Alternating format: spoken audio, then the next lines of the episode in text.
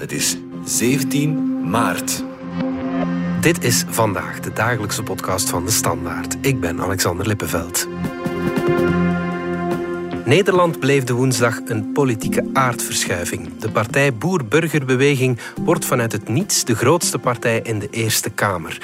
BBB neemt het radicaal op voor het platteland en werd groot door het ongenoegen over het stikstofbeleid in Den Haag. Wat betekent deze uitslag voor de regering van Mark Rutte? En hoe kijkt CD&V naar wat er bij onze noorderburen gebeurt?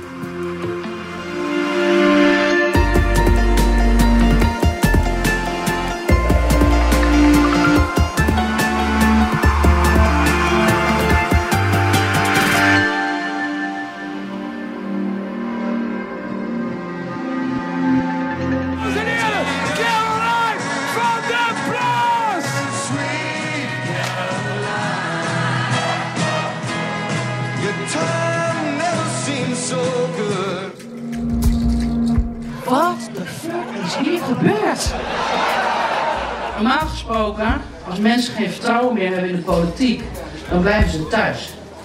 En vandaag hebben ze laten zien dat ze niet meer thuis willen blijven. Ze willen hun stem laten Dominique Mente van onze buitenlandredactie. Dat was uh, Caroline van der Plas, het gezicht van Boerburgerbeweging en de grote winnaar van de verkiezingen in uh, Nederland woensdag. Dat kunnen we wel zeggen, denk absoluut, ik. Absoluut, De peilingen hadden wel voorspeld dat de Boerburgerbeweging het, het zeer goed ging doen. Mhm. Zeker in die, die oostelijke en noordelijke provincies van Nederland. Maar het succes, de, de, overwinning is veel groter dan verwacht. Ja. Dus ook in provincies uh, rond de Randstad, Noord-Holland bijvoorbeeld, scoort ze heel goed. Alle stemmen zijn nog niet geteld, maar het lijkt erop dat ze ongeveer 20% van de stemmen haalt. Ja. Dus vanuit het niets eigenlijk. De partij is inderdaad, zoals je zegt, pas in 2019 opgericht. Mm Deed dan mee aan de Tweede Kamerverkiezingen, dus de parlementsverkiezingen in 2021. Mhm. En toen haalden ze één zetel, die Caroline van der Plas kwam in het parlement. Maar sindsdien is, ja, is haar ster alleen maar gaan, gaan groeien. Waarom dat zo is, daar gaan we het eh, zo dadelijk nog over hebben. De andere partijen, de regeringspartijen, die krijgen uh, ja, wel wat klappen. Hè? Absoluut, ja. Dus vooral de CD, CDA, dus de Nederlandse Christen-Democraten, dus een beetje de tegenhanger van de CD&V, betaalt de zwaarste prijs. Hè. Ja. Zij, zij ziet haar stemmen bijna gehalveerd. Wopke Hoekstra, de partijleider van de CDA, die is ja, zwaar teleurgesteld. Laat ik ook eerlijk zijn over wat het voor onszelf betekent. Dit is een buitengewoon bittere pil. Het is een buitengewoon bittere pil. Um, en een slechte uitslag. Uh, slechter dan wij natuurlijk allemaal opgehoopt. Ook de VVD van premier Rutte, Mark Rutte, houdt redelijk stand, maar moet toch ook wel wat verlies incasseren, net als D66 en de ChristenUnie. Dus eigenlijk de vier partijen die de regering vormen op dit moment verliezen terrein. Ja, we luisteren even naar Mark Rutte. De VVD gaat nu in die exit poll een half procent achteruit, 0,5 procent. Wij gaan van 13,3 naar 12,8. Dat is niet de winst die we wilden. We gaan ietsjes achteruit met een half procent. We gaan op uh, die boer-burgerbeweging uh, focussen. Zij zijn natuurlijk de winnaar van deze provincieverkiezingen. En ze zijn groot geworden op het stikstofdossier. Dat speelt bij ons natuurlijk, maar in uh, Nederland misschien nog meer.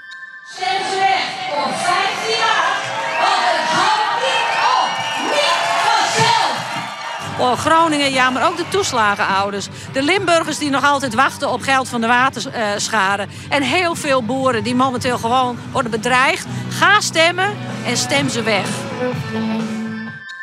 Kan je dat protest nog eens even schetsen, Dominique? Dus in Nederland speelt het stikstofprobleem eigenlijk al langer dan in Vlaanderen. Uh, er was daar in 2019 een, een rechterlijke uitspraak die bepaalde dat ja, als er de uitstoot van stikstof op het niveau bleef zoals het is, mhm. dat er dan echt niet meer gebouwd mocht worden. Mhm. En dus er is daar in Nederland echt wel een woningbouwstop gekomen. Ook grote wegenprojecten uh, werden on hold gezet. Mhm. En dus er moest iets gebeuren. Dus er moest een plan op tafel komen waardoor die uitstoot van stikstof en die neerslag van stikstof in de kwetsbare natuurgebieden, dat die drastisch naar omlaag zou gaan. Ja. Daar is heel veel geld voor vrijgemaakt, maar daar is dan heel veel protest tegen gekomen vanuit de agrarische sector. Zij vinden dat veel te verregaand. Mm Dat heeft de BBB wel goed begrepen. Laat ons even op dat gezicht van die partij focussen, die Caroline van der Plas. Het is wel een bijzondere figuur, hè? Ja, het is, ja, ze dus profileert zichzelf als een, een atypische politica. Iemand die met haar poten in de klei staat, zoals ze zelf graag zegt. Mm Zij komt eigenlijk uit de journalistiek, eh, de communicatie. Ze werkte vooral voor uh, de agrarische industrie. Dus ze, heeft, was communicatiemedewerker voor de Nederlandse tegenhanger van wat bij ons de Boerenbond is. En ze schreef vooral artikels voor uh, agrarische tijdschriften. Hmm. En ze was ook wel, ze had een lidkaart van het CDA vroeger. Ook, ja, hè? Dus okay. net zoals uh, ja, die relaties tussen de christendemocraten en de boeren zijn in Nederland even nauw als, als in Vlaanderen. Ja, okay. En dus wat je heel erg ziet is dat uh, ja, al die boeren dus de, het CDA de rug hebben toegekeerd. Net zoals Caroline van der Plas heeft haar, haar kaart teruggegeven en ze is haar eigen partij gestart. Ja, na dat stikstof... Uh, na dat stikstofarrest eigenlijk. Ja, ja, ja, en, Ehm, had de BBB dan maar één verkiezingsthema? Was, was het dat of was het ook meer? Het is breder dan dat. Okay. Het is echt wel breder dan dat. Je moet niet flauw doen. Stikstof is het belangrijkste dossier waarop ze zich geprofileerd hebben. Ja. Maar wat er in Nederland heel erg speelt, en dat is in Vlaanderen misschien iets minder het geval, is die tegenstelling tussen het platteland, plattelandsprovincies, in het noorden en het oosten van, van Nederland, en de Haagse bubbel, zoals ze dat noemen. Dus de Randstad, waar de stedelijke elite eh, bestuurt. En op dat platteland leeft heel erg het gevoel dat zij niet worden gehoord. Mm -hmm. Dat hun problemen niet worden behandeld door Den Haag. Het gaat dus over inderdaad stikstof, de boeren. Maar het gaat ook over uh, openbaar vervoer in die regio's. Dat wordt op bespaard, dat wordt ingekapt. Uh, daar is heel veel onvrede over. Ook het klimaatbeleid, die in een hele energietransitie, die dus vanuit Den Haag wordt gestuurd, die in een hogere versnelling is geschakeld. Mm -hmm. daar, wil, daar willen ze toch ook een beetje dat tempo milderen. Ja. Het is niet dat ze zeggen van we moeten niks doen aan de, aan de energietransitie, aan het klimaatbeleid. Nee, dat, zover gaan ze zeker niet. Maar het moet allemaal op een meer menselijke maat en, en meer, met meer aandacht voor de gewone man in de straat. Ja. En het is daarom ook dat ze niet alleen in dat noorden van Nederland, maar ook in bijvoorbeeld Noord-Holland, vlakbij die randstad, vlakbij dat verstedelijkte gebied, zo'n succes heeft. Want ik zag een kaartje bij onze collega's van NRC dat kleurt gewoon helemaal... Geel is de kleur nu. Geel, ja, okay. dus ja, ja. De kleur van de BBB is geel. Inderdaad, heel Nederland ja. kleurt geel. Met hier en daar nog een vlekje blauw van de VVD. Dus de partij van Mark Rutte, die blijft, zoals ik zei, die blijft een beetje stand houden. En dus zelfs ja, in de Randstad, dus het platteland rond die Randstad, daar is ook ja, de BBB nu de grootste geworden. Dat was niet voorspeld door de opiniepeilers. De opiniepeilers hadden gezegd van ja, die buitenprovincies, Overijssel, Drenthe, Gelderland, daar gaat ze zeer goed scoren. Maar dat het ook in Noord-Holland zou zijn en in Zeeland, dat was niet verwacht.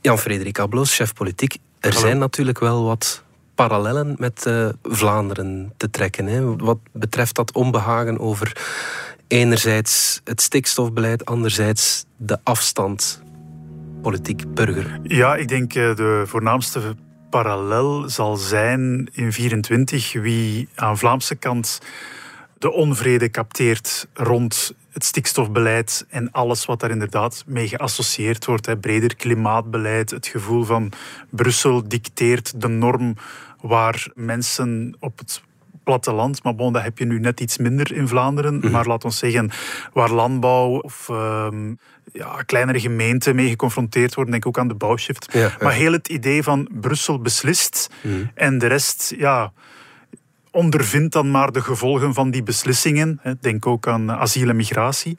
Ja, dat is iets waarvan je je afvraagt wie capteert dat sentiment in 24? Ja. En dan is het Nederlands uh, casus interessant, vooral natuurlijk wat de positie van CD&V betreft. Ja, want zij profileren zich nu ook heel zwaar op dat uh, stikstofdossier. Het mm -hmm. grote verschil is natuurlijk dat ze mee aan de knoppen zitten.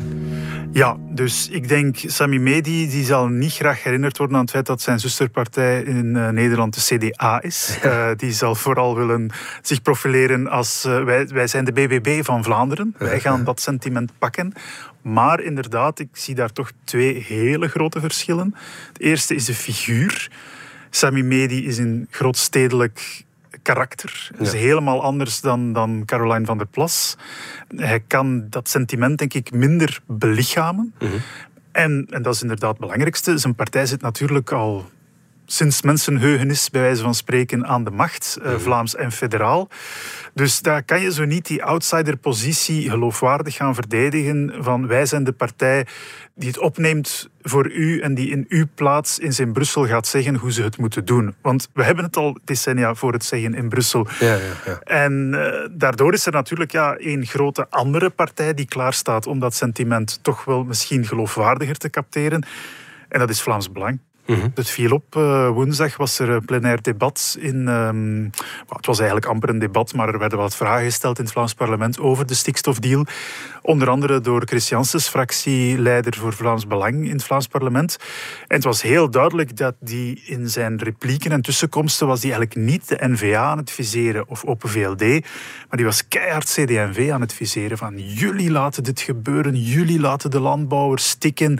Uh, wij zijn de enige partij die het opneemt voor de boeren. Dat was duidelijk de boodschap die Chris Janssens daar moest en zou vertellen. Mhm. Want daar heeft Frans Belang toch het gevoel dat in veel gemeenten, en CD&V leidt veel gemeenten, veel lokale burgemeesters, altijd hun sterkte geweest. Ja. Maar nu dreigt dat een beetje hun zwakke flank te, te worden. Of alleszins, bij Vlaams Belang hebben ze het gevoel dat ze CD&V daar pijn kunnen doen. Maar een, een, een derde hond, een Vlaamse boerburgerbeweging, een nieuwe partij, dat kan bijna niet bij ons. Ja, daar hebben wij een heel andere traditie in en heel anders. De spelregels zijn ook anders. we zitten met een kiesdrempel, we zitten met een systeem van partijfinanciering die het voor nieuwkomers heel moeilijk maakt om een plaatje te verwerven. Aan de Nederlandse kant is ooit, ik denk door Thierry Baudet sprak over het partijkartel, uh, of was de term al eerder uh, gelanceerd, om, om te omschrijven dat er eigenlijk een klein clubje partijen is die de macht altijd herverkavelen, of je nu verkiezingen hebt of niet. Maar eigenlijk zitten we wel in dat systeem in Vlaanderen. Je hebt een vijftal partijen wiens percentages gaan verschuiven. Maar er is heel weinig plek voor nieuw bloed bij die stembeslag. Je hebt altijd wel nieuwe partijen die opkomen. Ja. Maar het leidt. En af en toe is er een lijstendekker die even doorbreekt, maar dat is het dan ook. Uh... Ja, en dat vind ik wel uh, een interessante vergelijking, omdat soms in een aantal standpunten en houdingen doet de BBB met denken aan de lijstendekker. Mm Afzetten tegen het, de dwang, wat zij noemen, hè, zonder dwang. We willen af van de dwang en de drang vanuit Den Haag, die altijd komt zeggen hoe snel we moeten rijden, hoeveel stikstof we nog mogen uit, uh, uitstoten, die in onze naam bepalen hoeveel asielzoekers er binnenkomen enzovoort enzovoort. Dat heeft iets te dekkeriaans. Dat is ook een discours waarmee hij destijds wel wat libertairder discours waar hij ook mee gescoord heeft. En dat je, je zag daar ook al sporen van bij Thierry Baudet, je zag daar bij, bij uh, Wilders, uiteraard bij Fortuyn, dat een heel libertaire inslag. Dus dat is een maffe combinatie van we willen het zelf bepalen. Den Haag moet zich niet te veel moeien. En zeker Brussel niet. En, uh, en Europa, want ook daar is de eurokritische ja, houding bij ook, BBB ook, heel kritisch voor Brussel, ook aanwezig. En dat is een probleem voor CD&V die partij heeft dat niet in haar DNA. Die mhm. zijn bij, bij wijze van spreken de stichters van Europa. uh, ze, zijn, ze incarneren, ze belichamen de macht in Brussel. Dus die kunnen nooit die positie die BBB heeft, denk ik toch, geloofwaardig gaan uitstralen. Zelfs al doet Sami Medi heel hard zijn best. Dominique, het is wel weer een nieuwe partij voor Nederland er blijven er maar bij komen. Hè? Dat blijft het unieke inderdaad van, van het Nederlandse politieke systeem. Daar komen maar partijen bij en bij en bij. Ja, nu weer zoiets Volt of zo. Volt, ja, Volt was ook al een paar jaar actief. Uh, die heeft ook al meegedaan aan de Europese verkiezingen, de vorige uh, Tweede Kamerverkiezingen. Dat is dan meer de, de pro-Europese partij. Maar dan heb je bijvoorbeeld uh, ja, Ja 21, die ook niet, niet slecht doet. Dat is dan een afscheuring van Forum voor Democratie. En die partijen, eigenlijk kan je zeggen dat sinds 2000, de laatste 25 jaar al, komen er in Nederland steeds nieuwe partijen. En die zijn sommige heel succesvol. Die zijn altijd rechts. Want dat mag je echt niet vergeten. Ook, mm. dat, deze grote overwinning van de BBB ook opnieuw aan. Nederland is een rechtsland. De grondstroom, de politieke grondstroom in Nederland is rechts. Mm. Ja, dus eerst Fortuyn is, is de man geweest die het eigenlijk op de kaart heeft gezet. Die dat ongenoegen op, eh, tegen de Haagse elite op de kaart heeft gezet. Ja, hij is vermoord. Eh, als hij niet vermoord was geweest, was die partij misschien langer succesvol gebleven. Mm Dan is Wilders ook gekomen. Wilders is een blijver. Hè. Dus Ja. Wilders ook al, zit al twintig jaar, zegt al twintig jaar hetzelfde, maar... Hij heeft ook eens meege Ja, gegeven aan een ja, sindsdien heeft hij, dat was een mislukking geworden. Sindsdien, dat, dat zal hij nooit meer kunnen. Maar hij blijft nog altijd zijn stemmen halen. Uh-huh. En dan kwam Forum voor Democratie. Dat is geen blijver. Maar BBP stapt opnieuw in die traditie van rechts, Mhm. van protest. En ik denk wel dat zij meer gaan blijven, dat het meer een blijver is. Als je de mensen ziet die daar op die lijsten staan, dat zijn ernstige mensen. Die willen een ander soort beleid, maar die willen wel beleid. Die andere partijen die focussen zich op een eh, strenger migratiebeleid. Dat was waar ze vooral mee bezig eh, waren en zijn. Staat BBB daar ook voor? Dat zie je bij de BBB ook wel. Rond asiel en migratie zitten zij heel erg op de lijn van ook het Vlaams Belang. Zij pleiten voor een asielstop. Ja. Ja. Dus eh, zij combineren dus dat stikstof en, en die energietransitie, die onvrede daarover, ook wel met harde standpunten rond migratie. Dus BBB is een, is een rechtse partij. Ja. Het, is, het is geen extreemrechtse partij. Het is zeker niet het Forum voor Democratie. Het zijn Ja, van andere Thierry mensen. Baudet, van Thierry Baudet. ja. Zijn helemaal andere mensen die daarin zitten. Maar daar zitten elementen in die dus ook wel ja, dat sentiment van rond migratie, rond asiel, om daar strenger, harder in op te treden. En wil dat dan ook zeggen dat ze een onmogelijke partner zijn voor het centrum om mee samen te werken? Zij willen samenwerken. Dus ik was twee weken geleden op een bijeenkomst van de BBB, en, eh, waar de kandidaten in Overijssel zich voorstelden. Ja. En wat iedereen daar zei is, wij willen met iedereen aan tafel zitten. Dat is ook weer het afzetten tegen eh, Den Haag, de traditionele partijen die bepaalde partijen uitsluiten. De Ja. PVV wordt uitgesloten, Forum wordt uitgesloten. Dat willen zij niet doen. Ze willen met iedereen samen zitten. Maar ik denk wel dat zij ook ja, met, het, met de VVD kunnen zij ook regeren. Alleen zit de VVD in, in Nederland in een regering waar ook D66 in zit, de linksliberalen, die zich heel erg profileren op stikstof en energietransitie, maar dan in de zin van we moeten daar op doorpakken, Ja, we moeten ja. daar hard op gaan, we moeten daar geen, niet te veel compromissen over sluiten. En dat maakt het eh, heel moeilijk voor Rutten om verder te besturen. Wat zeker is, de regering Rutte komt onder druk te staan. Ja. Ze hebben nog, wat is het, 24 of 25 Ja, van... vier, ja zoiets van de, van de 75 zetels in de, in de Eerste Kamer. Ja. De Eerste Kamer heeft wel iets meer te zeggen dan de Senaat. Dus ze kan wetten tegenhouden. Dus ze moeten daar altijd wel gaan schipperen en, en compromissen sluiten. Het voordeel is, waarschijnlijk gaat eh, de PvdA en GroenLinks die gaan samen een fractie vormen in die Eerste Kamer. Ja. En met die steun kunnen ze dat stikstofbeleid blijven voortzetten. Maar de vraag is, gaan ze dat wel willen doen? Want ja, de CDA gaat die zichzelf helemaal doodrijden dan als ze het blijft vasthouden aan dat streng stikstofbeleid. Ook de VVD zijn er veel parlementsleden die dat ook liever anders willen. Maar dan komt, botsen ze op D66 die dat echt wel wil doorzetten, dat, dat strenge stikstofbeleid. En dat wordt de grote evenwichtsoefening die Mark Rutte de komende jaren of de komende maanden eh, moet gaan doen. Dus daar gaat wel heel veel druk op die, op die regering komen te staan. En bestaat de kans dat het stikstofbeleid wordt aangepast of wordt het nu gewoon... Het stikstofbeleid zit voor een deel bij de provincies. Ja? Dus die gaan dat moeten uittekenen en daar gaat de PBB mee aan de knoppen zitten. Dus ik kan me niet voorstellen dat ze dat stikstofbeleid zo rigide willen blijven volhouden als, als het nu op papier staat. Dus er gaan aanpassingen moeten komen. En dan is de vraag wat D66 daar gaat doen. Gaat hij in die regering willen blijven zitten als hij ziet dat dat ondermijnd wordt, dat, eh, dat stikstofbeleid? Maar wat je ook ziet, en dat zei bijvoorbeeld de minister van der Wal, die dus eigenlijk dat stikstofbeleid heeft uitgetekend, een VVD'ster, ja, je, we gaan dat moeten blijven uitvoeren. Beide kunnen niet waar zijn. Je kunt niet zeggen, ik ga geen stikstofbeleid eh, doorvoeren. Maar ik wil wel huizen bouwen en eh, investeren in economie. Beide kunnen niet. Dus je zult daar keuzes in moeten maken. En ik ben er eigenlijk van overtuigd dat uiteindelijk komende maanden... eh, als al die onderhandelingen plaatsvinden, al die keuzes gemaakt gaan worden... dat uiteindelijk toch een groot deel van het stikstofbeleid echt wel overeind blijft staan. Want anders kun je gewoon geen vergunningen verlenen in die provincie. Anders gaan we weer woningstoppen krijgen, gaan we bouwstoppen krijgen. Dus dan gaan de rechters weer, weer van zich laten horen. Dus dat is die catch-22 waarin eh, Nederland gevangen zit op dit moment. En natuurlijk, dat voedt alleen dan verder de frustratie, denk ik, op het moment dat een rechter Absoluut. een Europese richtlijn afdwingt. Want daar komt het op neer. Hè. Dat Mhm. is de parallel met het asieldossier is groot. Die partijen teren op een gevoel, er wordt in Brussel iets beslist. Mhm. Rechters dwingen dat af, niet verkozen mensen, rechters. Eh, ja, en vervolgens is, moet de politiek blijkbaar maar, maar uitvoeren wat elders beslist wordt. Ehm, Je moet kleine nuance misschien. Het is niet dat Europa echte stikstofnormen heeft opgelegd. Nee, maar het in stand houden van je kwetsbare natuur. Maar wel het in stand houden van je kwetsbare natuur. En dat kan je, ja, wat is, hoe doe je dat? Door ja, stikstofnormen mhm. eigenlijk uh, af te spreken. Dus dat is, dat is ja, ook weer zoiets paradoxaals. Uh, maar het is dan makkelijk om te zeggen dat het is Brussel die het, die het ons oplegt. Ja. Dus op dat vlak is het BBB natuurlijk ook een beetje een populistische partij. Voilà, dat zie je heel hard bij Vlaams Belang ook. Hè. Die, die zeggen ook, de stikstofprobleem is een probleem dat we onszelf aandoen. Mhm. Eh, omdat eh, een of andere magistraat in Brussel vindt dat belangrijk, kwetsbare natuur in stand houden. En nu zitten we ermee. Het is natuurlijk een, ja, een zeer populistische manier om er naar te kijken. Maar met populisme win je tegenwoordig het kan, verkiezingen. Het kan aanslaan en dat is voor CD&V een veel moeilijkere boodschap om te brengen. Zelfs N-VA doet dat niet. Hè. Dat is interessant om mhm, te zien. Mhm. Wanneer het gaat over migratie, dan zal de N-VA de eerste partij zijn om te zeggen activistische rechters, uh, er is beleid van bovenaf bepaald uh, en we staan er nu mee. We moeten een volksberoep mogelijk maken om dit te overroelen. Wanneer het over stikstof gaat, dan is Mier de eerste om te zeggen: pas op voor de vergunningenstop.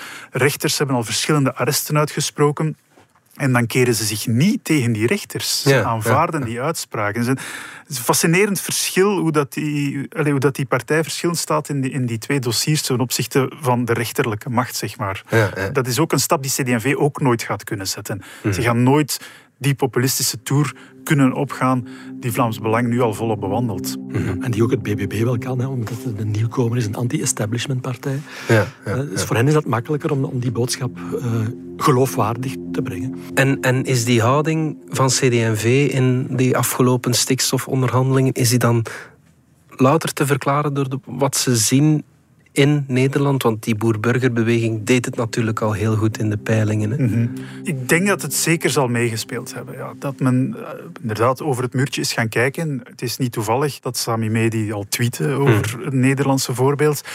Gecombineerd natuurlijk met het feit dat zij in Vlaanderen ook veel signalen kregen van onderuit na het sluiten van de stikstofdeal in 22, het originele krokusakkoord, waarvan uh, toenmalig eh, minister van Landbouw Hilde Krevits zei ja, het kan niet zachter voor de boeren. Mhm. Ja, daar is er wel van onderuit vanuit de Boerenbond ook een hele campagne gestart om de CD&V toch wel op andere gedachten te brengen. En met de komst van een nieuwe voorzitter, Sami Medi, die een manier zocht om zijn partij te profileren en de komst van een nieuwe minister van Landbouw, Jo Broens, hebben ze landbouw echt wel getarget, geïdentificeerd als domein, dossier, waar ze smoel kunnen op hebben. Ja. Niet alleen dat, hè. ze hebben het ook met kinderbijslag uh, geprobeerd in oktober. Van, we zijn ook de gezinspartij, dus gezinspartij, boerenpartij, om nu kort door de bocht te gaan. Hmm. Dat zijn twee zaken die mogen we ons niet laten afpakken. Hmm. Daar moeten we een scherper en duidelijker profiel op krijgen.